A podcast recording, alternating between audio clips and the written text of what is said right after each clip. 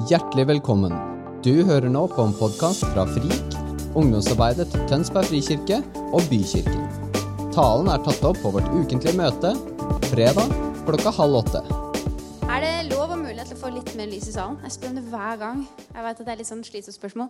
Men jeg elsker å se, jeg elsker å ha kontakt. De jeg prater til. Som blir sånn distanse. Og vi skal jo prate om noe av det mest intime som man kan ha.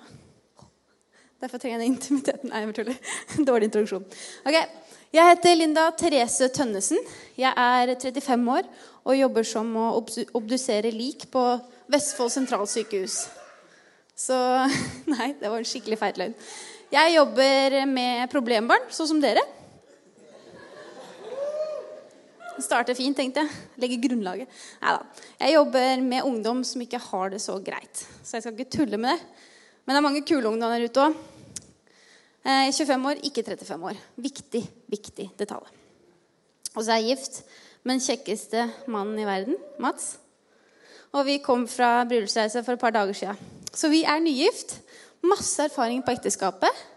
Så dette skal egentlig være ekteskapsråd til dere som ikke blir gift dere i den alderen dere er i nå. Starter veldig bra. Rett på. Nei da. Men jeg har pratet et par ganger før, og de som kjenner meg, de vet at eh, jeg liker å være direkte, ærlig og real i det jeg sier. Så i dag så legger jeg heller ikke noe lokk på det jeg skal si. Og jeg tenker at eh, det er egentlig litt greit.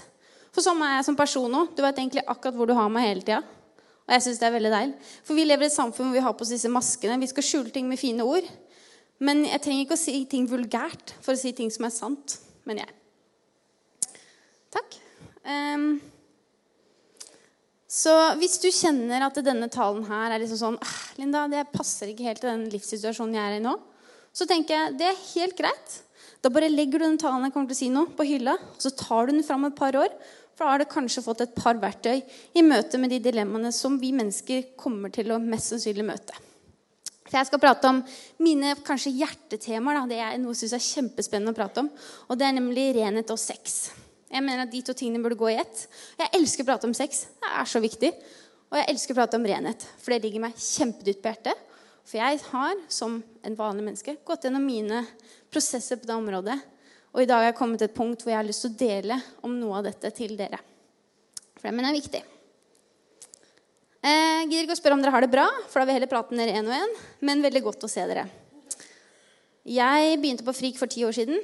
Da var jeg 15. Ja. Det var veldig koselig. Så tok jeg Birgitte under mine vinger et par år seinere. Og så var jeg mentoren til Ingrid. Så fostra jeg opp Halvor. Så bærebjelkene var meg. Nei da. Jeg var her og gjorde min ting, men det var veldig gøy å gå på frikk. Så dere er egentlig veldig heldige som har dette ungdomsmiljøet. Og det fantastiske av Birgitte er ungdomsleder og kommer opp og sier at vet du hva, vi trenger flere gode medarbeidere. Det er veldig fantastisk. Sitter det så mange ressurssterke mennesker i denne salen her? Det er gull, altså. Ehm, jeg tenker litt sånn, Hva er det egentlig sex betyr for deg? Hva tenker du når jeg sier ordet sex? Noen vil tenke pornografi. Andre vil tenke jeg går rett på, jeg forresten. Noen vil tenke onanering. Andre vil tenke liksom sånn Å, det er flaut. Det er synd. Synd, synd, synd. Gud prater om det. Veldig synd. Det er farlig. Vi prater om det. For jeg går på Granli og går i 9. klasse. Aner ikke hva sex er. Det er løgn. Det er veldig løgn. Fordi selv om du er en vakker jente og går inn i en klasse på Granli, så veit jeg at du mest sannsynlig har hørt ordet sex før. Og det er viktig at vi som kirke tar ansvar og prater om det i trygge omgivelser. Og det mener jeg. Vi må prate om det. Jeg trenger ikke å ha liksom sexkurs med bilder her for dere, for at dere skal vite hva sex er. Men jeg kan fortelle dere litt rundt om det. Ikke hva slags Nei, samme det. Jeg går ikke videre. Nå ble det teit. Men jeg tenker sånn, i forhold til deg, da. Du som sitter her i dag. Hva slags tanker har du rundt sex? Hva slags verdier har du rundt sex? Fordi de går i ett. Hva slags tanker har du om renhet, og hva står du for innenfor de områdene? Fordi når jeg begynte på FRIK, så var jeg i en alder hvor, hvor man kom til disse punktene. Man begynte å tenke litt. Og så kjente jeg at liksom, det her er noe jeg må tenke gjennom. Hva er det jeg står for på det punktet her? Og heldigvis så hadde jeg et miljø rundt meg som støtta meg. Så sa jeg var verdifull, så sa jeg var bra nok, og sa kanskje det motsatte av det egentlig verden sier utafor. Men jeg var kjempeheldig som hadde det miljøet her, som dere har. Som hadde ledere rundt meg, som jeg kunne gå med et spørsmål som jeg syntes var superteit. Men mennesker og ledere som møtte meg akkurat sånn som jeg var i den perioden og fasen jeg var i. Og så hadde Linda vet du, det går bra. Vi prater om det. ikke sant? Så dere har liksom nøkkelen, som egentlig er poenget mitt i dag. Og det er kanskje ikke en hemmelighet å si at jeg er eh, ikke en helgen når det kommer til sex og renhet. Jeg har tatt mine valg og gjort mine feil som alle andre mennesker. Men i de stundene hvor jeg snubla og tryna Fy søren, jeg tok noen vanskelige valg. Reiste meg opp igjen. sa, ok, da begynner vi på nytt igjen. Fordi jeg lagde en renhetsplan som var beintøff, som mange syntes var kjempeteit. Men den var viktig for meg. Det betyr ikke at jeg lever etter regler, men det betyr at jeg lever etter en relasjon, og det er Gud. Så hver gang jeg snubla, så var det ikke sånn psh, psh, ah, du er dust, ass. Det mer sånn Ok, da begynner vi på nytt igjen. Hva tenker du, Gud? Du er verdifull, sa Gud. Du er vakker. Du er verdt det. Du er verdt det. Det er det Gud sier til hver av dere akkurat her og nå. Jeg vet ikke hvordan din situasjon er. Kanskje du har sex. Kanskje du har sett på pornografi. Kanskje du ikke har noe forhold til sex. Det kommer nå med et par år. Det er helt greit. Eller kanskje du tenker at det skal jeg vente med etter hvert. Men det er viktig å tenke over disse tingene. Det er viktig å ta et standpunkt rundt dette her. Og de gangene man kanskje snubler, som vi mennesker noen gang gjør, i hvert fall som jeg har gjort, så er det viktig å reise opp og si at ok, da går vi videre, da. Og så lærer man av det. Og det er den lærdommen som jeg mener er skikkelig verdifull og viktig. Så i de um, prosessene jeg gikk som ungdom, så lærte jeg kjempemasse. Og så tok jeg lærdom av de. For det handler om å ikke ligge nede når du er nede, og reise seg opp igjen. For når jeg visste hva Gud mente om meg, så visste jeg også min egen verdi rundt det. Og det syns jeg var fantastisk. Og det fikk jeg også høre her på Frik. Så jeg er litt sånn seriøs, men jeg vil at dere skal benytte litt av det miljøet dere er i. For det er kjempeviktig. Jeg husker første gangen jeg skulle prate om eh, renhet, eller om sex, så var det noen som sa at uh, Nei, det kanskje ikke dere burde prate om det. Eller kanskje det er litt sånn De veit jo ikke helt hva sex er. De går jo 8. og 9. klasse. Det er jo litt sånn flaut. Men, og det, den personen mente jo egentlig bare å beskytte dere. Men jeg veit at dere veit veldig mye allerede, og det har jeg sagt tidligere. Og Derfor tenker jeg at uh, vi kan gå litt dypere i dag og prate litt ærlig og realt om det. Selv om man har en søt niendeklassing på siden av seg som ser veldig uskyldig ut og fin, så kan dere veldig mye. Jeg veit det. Så vi skal prate om det. Dere er nå i en kjempefantastisk alder. Dere begynner å vokse, dere er puberteten, som er dritflaut å prate om. da, Stemmeskifte. Og man kjenner at det, det, man begynner å måte utvikle seg på flere områder.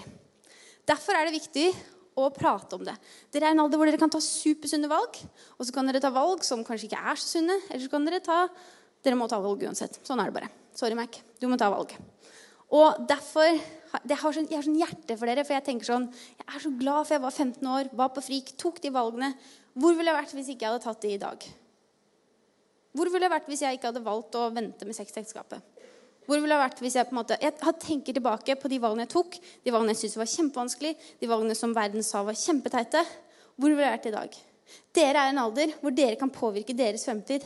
Og det er helt fantastisk. De valgene dere tar i dag, vil påvirke deres fremtid om 10-15 år framover. Om dere vil eller ikke.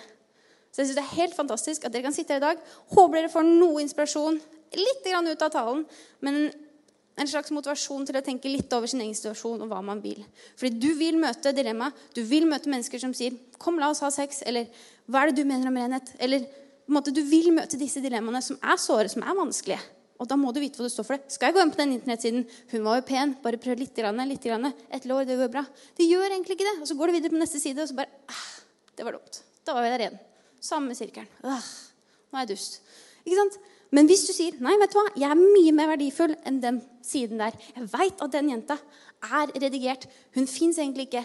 Den dama som har sex med mannen, det er egentlig ikke bra. Men så, hvis jeg veit min egen verdi, så vet jeg at da går jeg ikke heller inn på det. Fordi jeg beskytter meg selv. Men jeg beskytter ikke bare meg selv, men jeg beskytter også min kommende familie. Fordi det rotet dere lager nå, det må dere rydde opp. Det rotet jeg laga Det høres ut som jeg var sånn supersynder i min ungdomstid. Var ikke det. Men jeg gjorde noen feil. Men det rotet jeg lagde, det måtte jeg søren meg rydde opp. Jeg måtte gå til Kristoffer, som henviste meg til en kvinnelig leder. Og så sa jeg du, dette syns jeg er vanskelig. Så sa den kvinnelige lederen ok, da går vi gjennom det her. For den siden du har et valg. Og vi alle møter det. Vi har iPhone, vi har iPad, vi har alt. Vi får det fleisen hele tida. Vi får den reklamen overalt. Men vi må ta standpunkt rundt det. Hvis ikke du har tenkt over hva du mener om f.eks. lyst til visuell, Da, da kommer du i vanskelige situasjoner som du har egentlig valgt i. For man tar alltid valg. Et av mine punkter da, hvis jeg, kommer til å være kjempepersonlig, men ikke privat med dere. Det tror jeg er veldig viktig. Et av mine punkter er massasje. Så når jeg var i ungdomsmiljøet, så visste jeg fort at det, vet du, det er ikke greit at en gutt gir meg massasje. Så kanskje jeg virka litt kjølig, kanskje jeg virka litt kald. Men jeg sa ofte nei til det. For jeg visste at det, her får vi en connect som gjør at hjertet mitt skjer noe med deg. Og det vil jeg ikke skal skje akkurat nå. Så det var et av mine punkter. Trenger ikke å være superfarlig. Trenger ikke å være sånn der, kjempefarlige punkter. Men det var en, mine, en del av min redningsplan. Jeg trenger ikke at alle masserer meg. Men hvis jeg har behov for intimitet og nærhet, da tok jeg f.eks. Victoria. Hun ga meg en klem. Eller gikk jeg til Birgitte, da. Fikk jeg prat der. Men det var en av mine punkter. Dere kjenner deres punkter mye bedre enn jeg kjenner deres punkter. Derfor prater jeg til dere i dag. Tenk over egen situasjon. Nå kommer jeg til det beste bibelverset som jeg lever livet mitt ut av. Jeg har pratet litt om at dere er en ung alder hvor dere kan ta aktive valg, og dere kan påvirke deres fremtid. Fordi når du veit hva som er verdifullt, så beskytter du det. Og et eksempel jeg har da, er denne iPhonen her. Jeg veit dere ser den, og dere vil ha den. Den er min. Jeg er da kanskje ikke det mest tekniske vidunderet som dere har sett, og det er helt greit. Men jeg fikk æren av å få en faktisk ny iPhone. Og det, ja, det var gøy. Men jeg har fått akkurat en ny iPhone. Og den for meg er veldig verdifull. Så jeg, oi, jeg mister den jo ikke i bakken da. Jeg vil putte den et sted som kanskje ikke er oppi vannet. Eller på en måte, jeg hiver den jo ikke i veggen. Poenget er at eh, når dere har noe så verdifullt som hvis dere kjøper en iPhone hvis dere kjøper en ny jakke, hvis dere får et eller annet som dere mener er verdifullt, så vil dere beskytte det. Så hvorfor ikke også beskytte hjertet deres? Hjertet deres er faktisk det mest verdifulle dere har. Det står det i ordspråkene kjempetydelig. Ordspråkene 423. Bevar ditt hjerte framfor alt du bevarer, for livet går ut fra det. Og jeg merka i de situasjonene hvor jeg gikk på kompromiss av mine egne verdier, så skjedde noe her. Hjertet ble litt hardere, ble litt størkna, og jeg ble litt mer distansert fra det. Så hva enn dere gjør, beskytt hjertet i det dere gjør, i de valgene dere tar. For livet flyter ut fra det. Det er en av de største bønnene jeg har hatt over livet mitt. I møte med Mats, i møte med Birgitte, i møte med de jeg møter. La meg ha en kjærlighet som flyter ut. For ellers så blir jeg kald, og da stivner jeg, og da tar jeg en distanse. Og det er ikke sunt. Så jeg tok et valg her på Frik, og så sa jeg Gud, jeg vil vente med sexekteskapet. Det høres fantastisk ut. Kjempelett. Og for meg så var det ikke så lett. For med en gang jeg gikk ut av den døra, så møtte jeg den plakaten, møtte den fyren, møtte de som sa, klassen, de som sa 'Bare ha sex. Kom igjen, bare gjør det. Bare ha sex.' Sex er kjempegøy. Sex er enkelt. Det er bare gå bak en gardin. Kjempegøy. ikke gå bak gardinen. Nei da. Men det er faktisk lettere sagt enn gjort. Og jeg husker eh, bare, det, bare satte meg på TV liksom, satt og så på en TV-serie. Kjempeuskyldig. Men budskapet bak er ha sex, vær deilig, ha den største rumpa, ha de fineste puppene. Liksom, det var bare møkk, hele greia. Jeg ble litt sånn irritert. Og jeg har gått denne prosessen i mange år. Og han som lever med meg, vet at jeg går den hver dag. Jeg blir så irritert. Fordi det er ikke sånn virkeligheten er. Gutter leiter ikke bare til jenter med de store, flotte puppene og den rumpa. Det er kjempeoverfladisk. Lykke til i det ekteskapet. For å si det sånn. For når du er 50, så er ikke de like fine, for å si det sånn. Nå er jeg ærlig. Men det er sant. Altså, Vi må være ærlige med det. Kropp er ikke det eneste. Men når du møter verden, media altså Hvis jeg skulle vært modell i dag, da, så ville jeg vært pluss size. Det er jo helt horribelt. Så verden sa til meg Linda, du må bare gå ned litt mer. Få litt større pupper. Men jeg har jo de puppene her. Ja, men da er det bare å fikse de. Jeg jobba med en som var eh, plastisk, Hun jobba med Botox. Jobba jeg med en på sykehjemmet når jeg jobba der. Og hun bare Ja, altså, Linda, jeg har tenkt på en ting.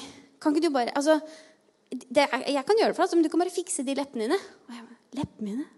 Er det noe gærent med de? Og så gikk jeg hjem, og så bare Kanskje det er noe gærent med leppene mine òg, da. Liksom, uansett hvor du er, så møter du bam, bam, du er ikke bra nok, du er ikke verdifull. Løsningen er fiks det enkelt. Penger, kjapt, enkelt. Bli rik. Gjør det kjempefort. Det er kjempegreit og enkelt. I dag er liksom verden full av enkle løsninger, og så blir vi kjempelykkelige. Men hva er resultatet av vår generasjon? Hva er resultatet av disse fantastisk enkle og kjappe løsningene som vi står overfor i dag? Det er en generasjon som er fylt med en tomhet. Fylt med et rop om en intimitet som de aldri klarer å fylle. Fordi penger og utseende kan aldri fylle de tomrommene som Gud skal ha.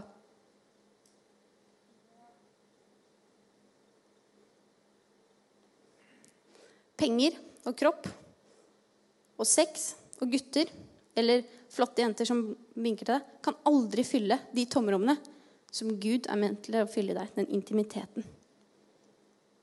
Men sånn er det ikke verden sier. De sier, 'Linda, bare gå ut. Finn deg masse menn, så blir du lykkelig.' Men jeg visste da jeg var 15 år, at vet du hva, en eller annen gang så skal jeg få en fantastisk mann. Så de valgene jeg tar i dag, de må jeg stå ansvar for. For han mannen. Jeg har måttet snakke med Mats om de tingene jeg har feila på. de tingene jeg har gjort, Og så måtte jeg si dette er meg. det er sånn jeg Og jeg har søren meg spurt ut han også, så han har også måttet stå til ansvar for hva han har gjort. Sånn er det. Så hvor mye skitt vil du rydde opp etter det? Det er egentlig spørsmålet. Litt deilig, men det er deilig. elsker det. Wow, nært.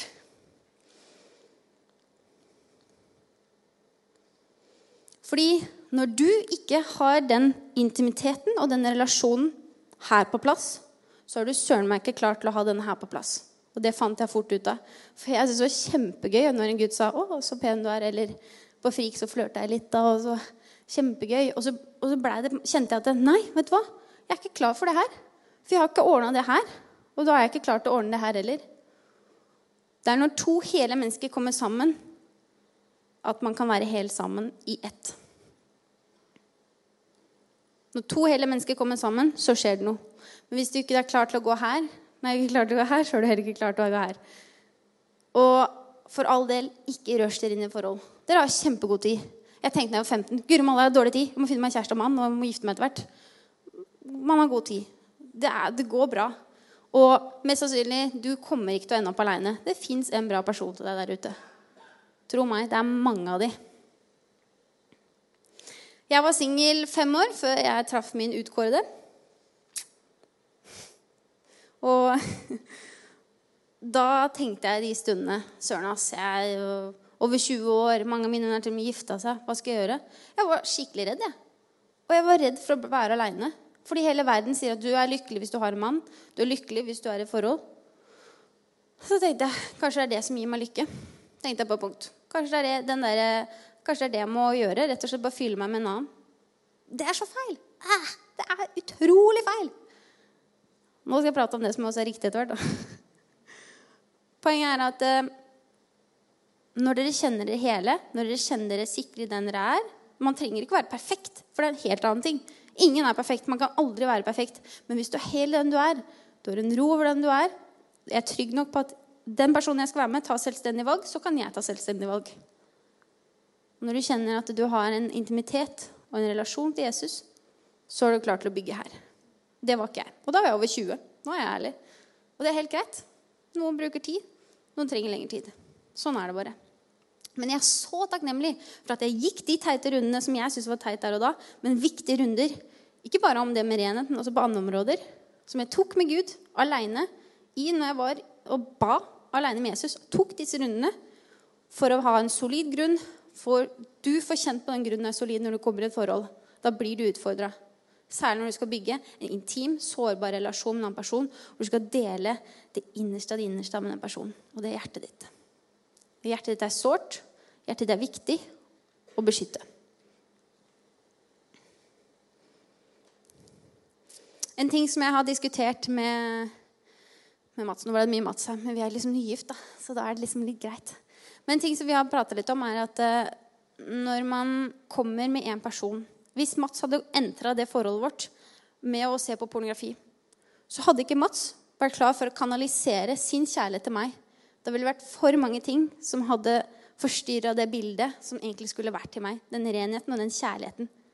For tingen er at Vi som mennesker vil oppleve lyst. Vi vil oppleve mest sannsynlig lyst. Det er ikke alle, men noen kjenner på det. 'Oi, jeg er tiltrukket av en person.' 'Oi, jeg kjenner på mer følelser.' Hva er det her? De, men det handler ikke om at man skal Synden er ikke å kjenne på lyst, for det er en del av bildet for mange. Det er en del av reisen. Men det er hva du gjør med den lysten, som er det viktige. Så hvis du velger ta de sunne valgene, ikke bli massert av den gutten, eller hva som er dine triggerpunkt, det er bare du som veit det selv. ikke gå på den internettsiden, f.eks., som mange opplever, så kanaliserer du til én person. Det er da en renhet kommer ut ifra de valgene du tar, som er kjempeviktig.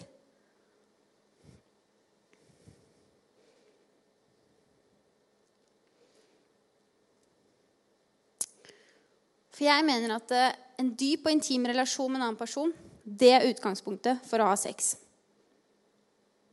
Ikke motsatt. Sex er ikke en måte å få intimitet på. Men det er det veldig mange som tror. Mange jenter jeg prater med, som sier at bare jeg gir han litt, et ligg, liksom, så vil han elske meg. Da vil han like meg. Nei, det vil han ikke. For det er ikke hjertet ditt. Hm. Ja, det er veldig bra ord som kommer her nå. Bare ta det inn og spis det. Men sex er et resultat av en intimitet i et ekteskap. Og det er når man får den hellige pakten med at to mennesker går sammen For det er jo egentlig hele greia med kjærester. Det er å finne ut av passer vi sammen.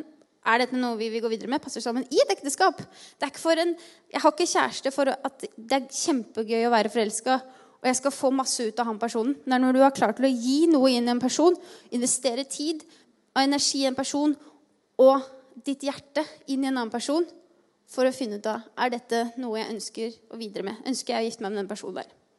Det kan du bruke tre-fire år på, men det er målet, folkens. Ikke en oppholdsstasjon hvor jeg skal være kjempeforelska og holde hender og kysse.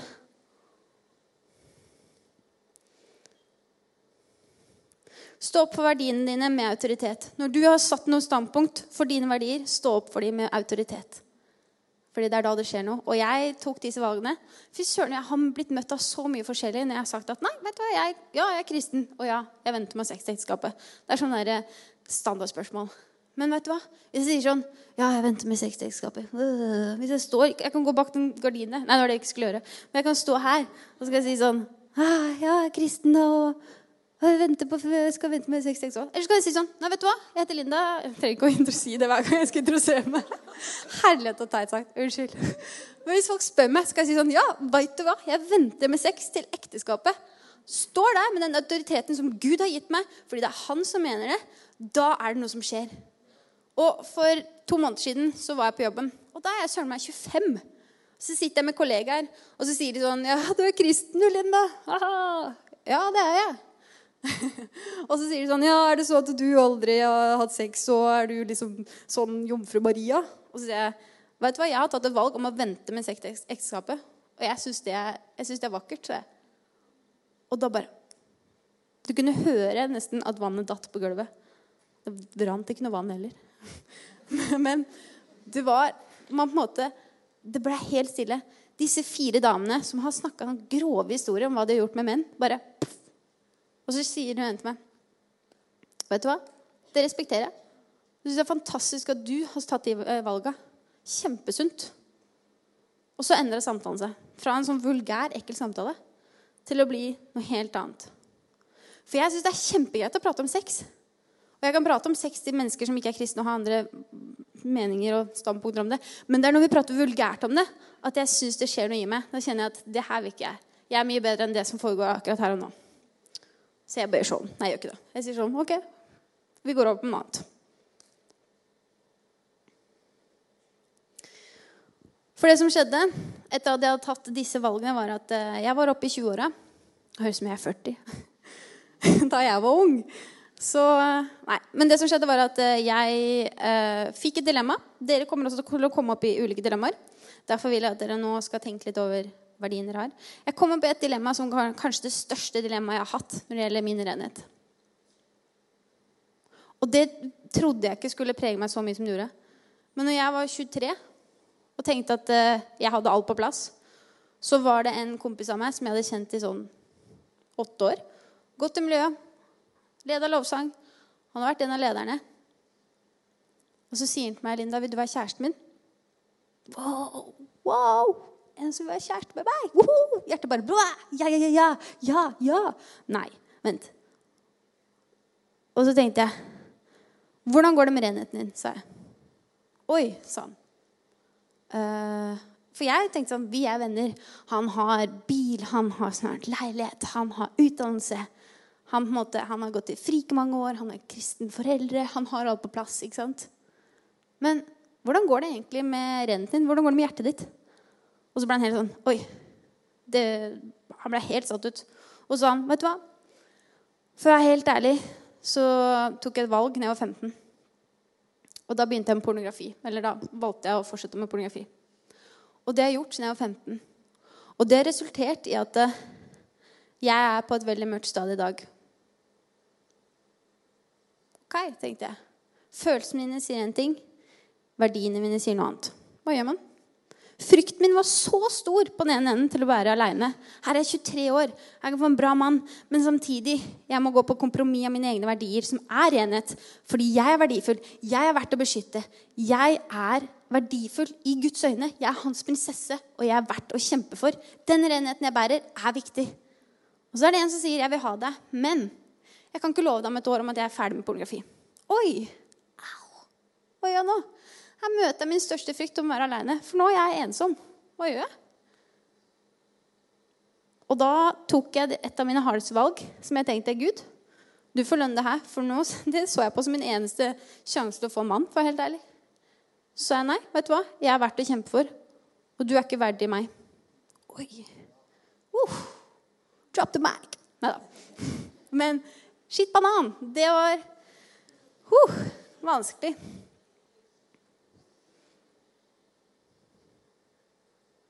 Men han hadde ikke kjempa for sin renhet.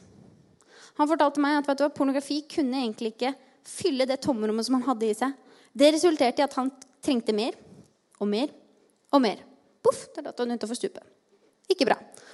Han var da 25 år og hadde tatt en helt annen valg enn det jeg gjorde da jeg var 15. Det er et bilde på hvor man kan være så forskjellig. Og det valget jeg tok den gangen, var et av de beste valgene jeg har tatt. For ellers så hadde ikke jeg stått her i dag og vært gift med den mannen.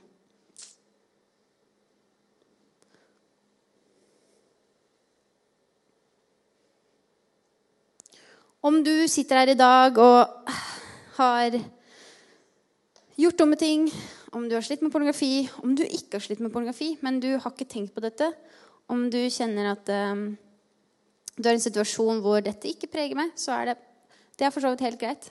Poenget mitt er ikke at jeg skal komme med en sånn dømmende holdning. Men jeg vil si at eh, Gud elsker dere akkurat sånn som dere er. Og kirken er ment som et sted hvor vi skal komme og være ærlige i den situasjonen vi er. Og man skal komme og si at vet du hva, dette er kjipt, eller dette, dette opplever jeg akkurat her og nå. Um, Låsestime, dere kan komme opp.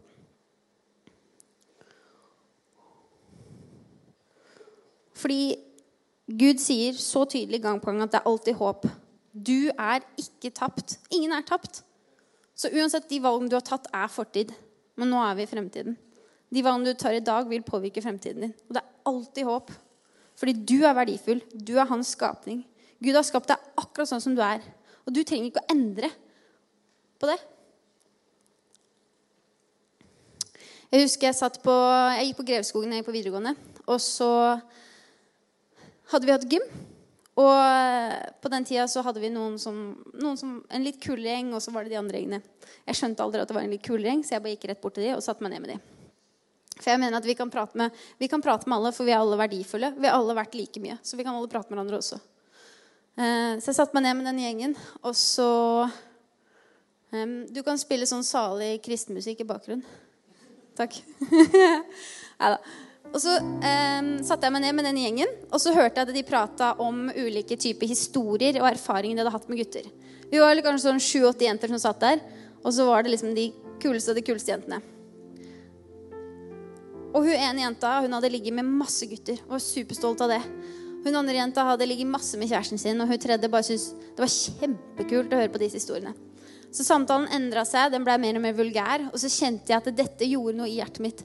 Dette går på kompromiss, kompromis av mine verdier. Og denne samtalen her syns jeg egentlig begynte å bli ganske ekkel. Og da kjente jeg at eh, jeg har et valg. Jeg kan fortelle dem om at, eh, at jeg På den tida var jeg i et annet forhold. Og jeg kan fortelle dem at vi valgte å leve, eller vente med sexekteskapet. Eller så kunne jeg beholdt den kulheten min som jeg prøvde så gjerne å opprettholde der og da. Og så kjente jeg at det dunka litt ekstra hjertet mitt. Og så opplevde jeg at Gud sa til meg at Linda, bare del, del hjertet ditt. For det er når du kommer nært, det er når du kommer og deler av det sårbare, med andre mennesker, det er da det skjer noe. Og da, valgte jeg opp, da kjente jeg fred for å dele den delen som jeg mente var veldig sårbar. Og så sa jeg til dem at vet du hva, jenter? Jeg hører det dere sier her nå, men, men jeg, jeg, har faktisk tatt et annet valg. Kjæresten min og jeg vi, vi velger å vente med sex til ekteskapet. Fordi jeg mener at jeg er verdt mye mer enn det. Og han mener at jeg er verdt mye mer enn det. Så han har aldri pusha meg til noe. Han har aldri rørt meg på den måten der. Han har aldri gått over disse grensene som vi har satt sammen. Fordi det er verdt å beskytte, det er verdt å vente, mener jeg. Og så ble det helt stille. Ah, så tenkte jeg ok, nå har jeg ikke noe mer stolthet, så det er greit. Kan bare si hva du vil. Det ble helt stille. Og så kikker hun på meg med hun kuleste av den kuleste som hadde ligget med så mange gutter. Og så kikker hun på meg med tårer i øya, og så sier hun Tenk hvis jeg kunne hatt en mann som hadde respektert meg så mye som din mann gjør. Oi. Oi. Her har dere sittet og fortalt noe helt annet. Og så Oi. Hun andre begynte å gråte. Hun sa at hun lå med kjæresten sin fordi hun ønska den intimiteten som hun trodde det ville gi, gi, dem. Men det gjorde det ikke. Og så tom. Så tom på innsiden.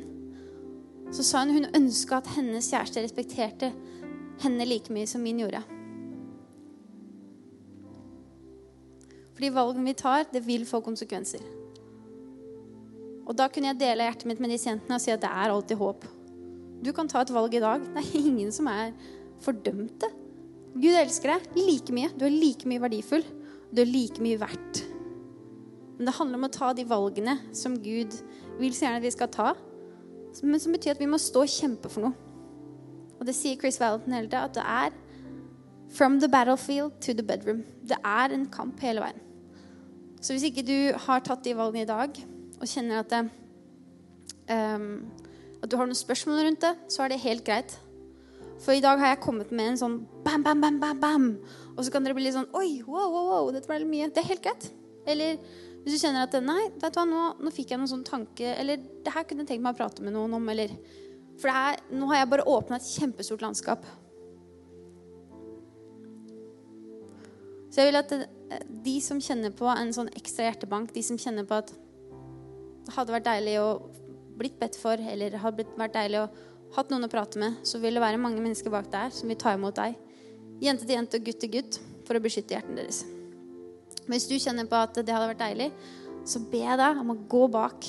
Det er ikke noe farlig. Jeg har fått så utrolig mye av forbønn her. Og det har skjedd så mye i hjertet mitt ved at jeg har gått og pratet med noen. Så det vi avslutter med i dag, er Bevar et hjerte fremfor alt du bevarer, for livet går ut fra det.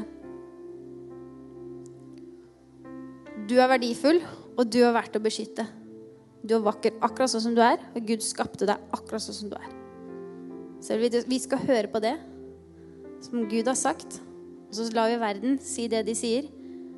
Men det du sier med autoritet, da vil det skje noe rundt deg. Og når du står med Guds ord bak deg, så vil mennesker lytte. Takk for at du hørte på vår podkast. Har du spørsmål eller ønsker du å vite mer? Besøk oss gjerne på vår Facebook-page eller nettsiden vår frik.no.